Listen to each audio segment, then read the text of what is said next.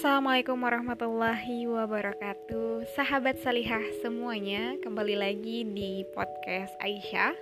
Kali ini eh, Aisyah pengen sharing cerita dan berbagi Tentang ibunda dari para ambia Ya, Masya Allah. Sebelumnya sudah disinggung ya di episode pertama Itu membahas tentang bagaimana sosok ibunda Rasulullah Sallallahu Alaihi Wasallam Yang merupakan seorang wanita mulia dari uh, suku Quraisy. Nah selanjutnya kita akan membahas sebetulnya kitab yang membahas tentang pembahasan terkait sifat wanita dan keibuan yang mulia itu yang cukup fenomenal itu adalah kitab Amina Umunun Nabi Al-Arabi e, di mana di kitab itu sendiri banyak membahas tentang ibunda para nabi yang merujuk pada risalah-risalah samawi. Nah, agar kita bisa mengetahui sosok ibu dari empat nabi ya empat nabi yaitu Nabi Ismail alaihissalam, Nabi Musa alaihissalam, Nabi Isa alaihissalam dan Nabi Muhammad sallallahu alaihi wasallam. Menarik sekali di episode kali ini uh, Aisyah akan mengulik tentang sifat alami dari seorang perempuan sendiri yang memang secara naluri itu sudah memiliki sifat sebagai seorang ibu dengan kelembutannya memberikan kenyamanan dan kedamaian bagi sang buah hati. Lalu kemudian bukan sebuah keanehan ataupun kebetulan ya itu semua itu semua sudah Allah uh, fitrahkan sebagai seorang perempuan memiliki perasaan seperti itu. Lalu peran sosok ibu sendiri ibu sendiri ini sangat besar sehingga e, perasaan beliau itu untuk mengorbankan segala sesuatunya bagi sang anak itu sangatlah besar jika dibandingkan dengan mungkin seorang ayah ya. Jadi seorang ibu itu akan rela mengorbankan jiwa dan raganya bahkan mengorbankan nyawanya sekalipun untuk menyelamatkan anaknya. Yaitulah perasaan seorang ibu. Nah, e, tentu untuk e, lebih mampu menjaga para pengaman risalah agama nabi-nabi pilihan Allah ini tentunya juga Allah sudah pastinya pilihkan perempuan-perempuan yang memang tangguh untuk e, mengemban amanah mengandung di rahimnya seorang nabi yang kelak akan menjadikan e, yang menyampaikan agama Allah di muka bumi. Tentunya bukan perempuan sembarangan. Nah, risalah-risalah yang dipikul oleh anak-anaknya ini e, sendiri kan juga merupakan hasil dari didikan ataupun bentukan dari ibu-ibu mereka. Nah, tidak menomorduakan ibu dan tidak memosisikan atau memosisikan di selain e, tempat yang tepat. Sebagaimana Allah berfirman ya dalam surah Ar-Rum ayat ke-30, sesuai fitrah Allah disebabkan dia telah menciptakan manusia menurut fitrah itu. Tidak ada perubahan pada penciptaan Allah. Jadi eh, manusia itu diciptakan sesuai dengan fitrahnya yaitu menuju pada ketakwaan dan ketauhidan kepada Allah Subhanahu wa taala. Begitu juga dengan seorang ibu yang memiliki fitrahnya dan uh, dalam hal ini ya ibunya para ambia itu sudah memiliki ketauhidan tentunya kepada Allah Subhanahu wa taala. Baik, yang pertama ya, kali ini uh, Aisyah akan membahas tentang um, sosok yang uh, sangat sabar, masya Allah. Kadang ketika Aisyah merasa dapat ujian, dapat kedukaan hidup, lagi baper, lagi sedih, itu coba kembali mengingat ya. Uh, Masya Allah Alhamdulillah ala kulihal Aisyah dikelilingi oleh orang-orang yang sayang sama Aisyah Aisyah dikelilingi oleh orang-orang yang selalu uh, mem memberikan support terbaik untuk melakukan hal-hal positif ketika sedang mungkin sedang down, sedang patah hati.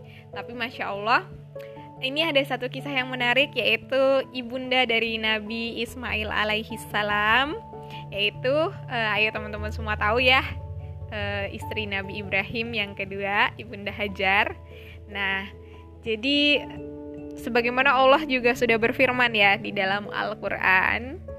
Allah berfirman di dalam surah Ibrahim ayat ke-37 yang artinya, "Ya Tuhanku, sesungguhnya aku telah menempatkan sebagian keturunanku di lembah yang tidak mempunyai tanam-tanaman di dekat rumah Engkau Baitullah yang dirahmati." Ya Tuhan, yang demikian itu agar mereka melaksanakan sholat, maka jadikanlah hati sebagian manusia cenderung kepada mereka dan berilah mereka rizki dari buah-buahan. Mudah-mudahan mereka bersyukur. Ini adalah doa Nabi Ibrahim alaihissalam ketika meninggalkan Ibunda Hajar dengan bayi kecilnya Nabi Ismail alaihissalam di lembah yang tidak ada satu orang pun di sana. Menarik sekali sahabat salihah semua kalau kita melihat bahwa siapa perempuan yang hari ini paling menderita dan paling menyedihkan selain dari Ibunda Hajar kayaknya nggak ada deh yang lebih menyedihkan daripada ibunda Hajar. Ya kenapa? Karena mungkin mungkin ada teman-teman salihah semua, ada ibu-ibu salihah yang mungkin juga mendengarkan uh, podcast ini Mungkin ada yang ditinggalkan oleh suaminya dengan posisi mungkin sedang mengandung atau anaknya sedang masih menyusui, masih sangat kecil, tentu baper ya.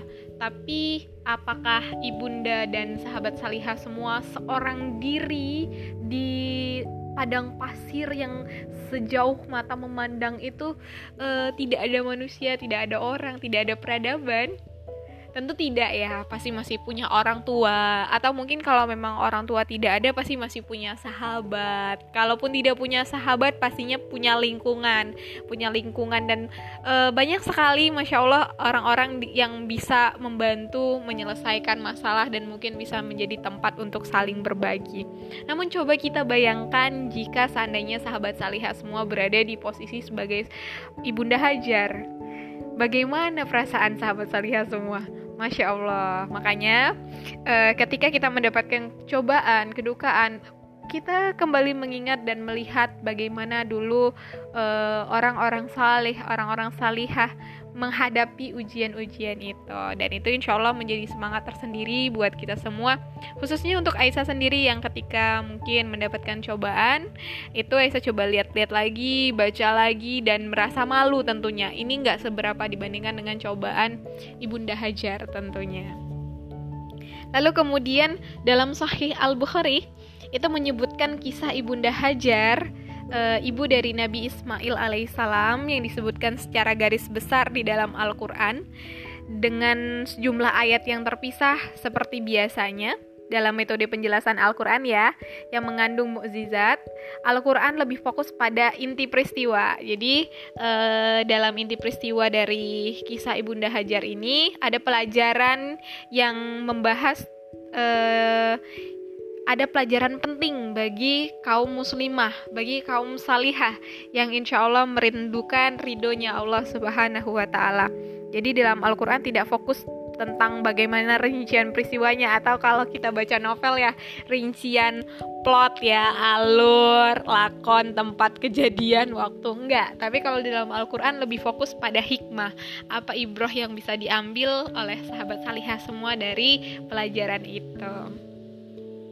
Lalu kenapa sih Allah memilih Ibunda Hajar untuk mendapatkan amanah merawat dan menjaga Nabi Ismail alaihissalam dan menyelamatkannya dari kematian? Dikala keduanya e, ibu dan ibu Nabi Ismail, Ibunda Hajar dan Nabi Ismail alaihissalam ditinggalkan oleh ayahnya Nabi Ibrahim di sebuah lembah yang tandus tanpa ada tanaman. Nah, yang menarik di sini adalah satu jawabannya. Karena cinta, cinta Hajar kepada robnya dan cinta Ibunda Hajar kepada Nabi Ismail yang masih bayi itu memberikan e, Ibunda Hajar kekuatan. Apa yang dikatakan Ibunda Hajar kepada Nabi Ibrahim adalah, "Wahai suamiku, apakah ini adalah perintah Tuhanmu?" Lalu ketika Nabi Ibrahim menjawab, "Ya, ini perintah Tuhanku." Maka ketika itu Ibunda Hajar dengan redo, dengan ikhlas ditinggalkan di lembah itu dan beliau hanya berharap mengharapkan keridhaan dari Allah Subhanahu wa taala karena penjagaan Allah tentulah lebih besar daripada penjagaan siapa pun. Masya Allah. Nah, dari sejak itu Ibunda Hajar ditinggalkan bersama dengan Nabi Ismail alaihi salam di lembah itu. Mereka hanya berdua.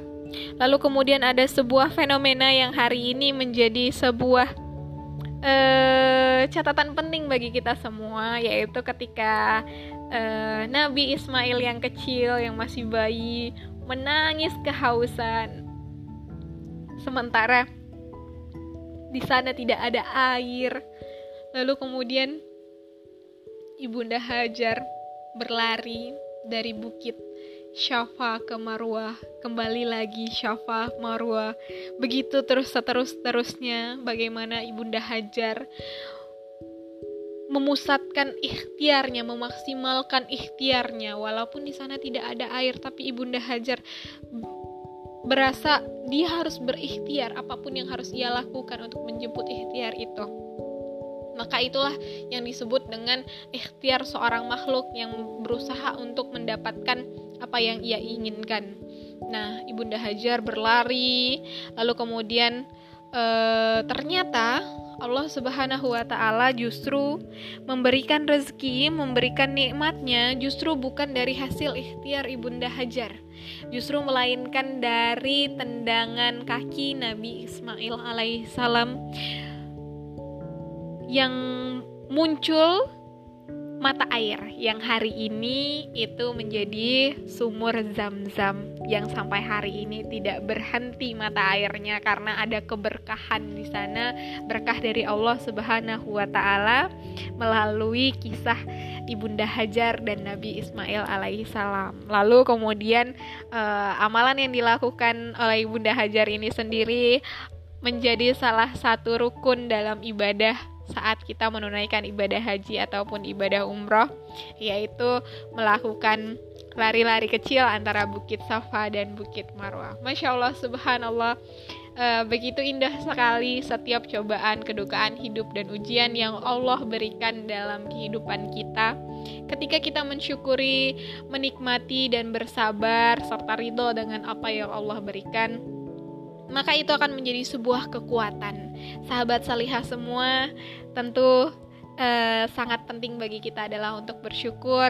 Karena boleh jadi ujian itu adalah salah satu cara Allah untuk membersihkan segala dosa-dosa kita yang mungkin tanpa kita sadari dan tanpa kita resapi kita melakukan kehilafan atau boleh jadi juga ujian itu adalah bentuk cinta Allah yang merindukan tangisan kita di sepertiga malamnya.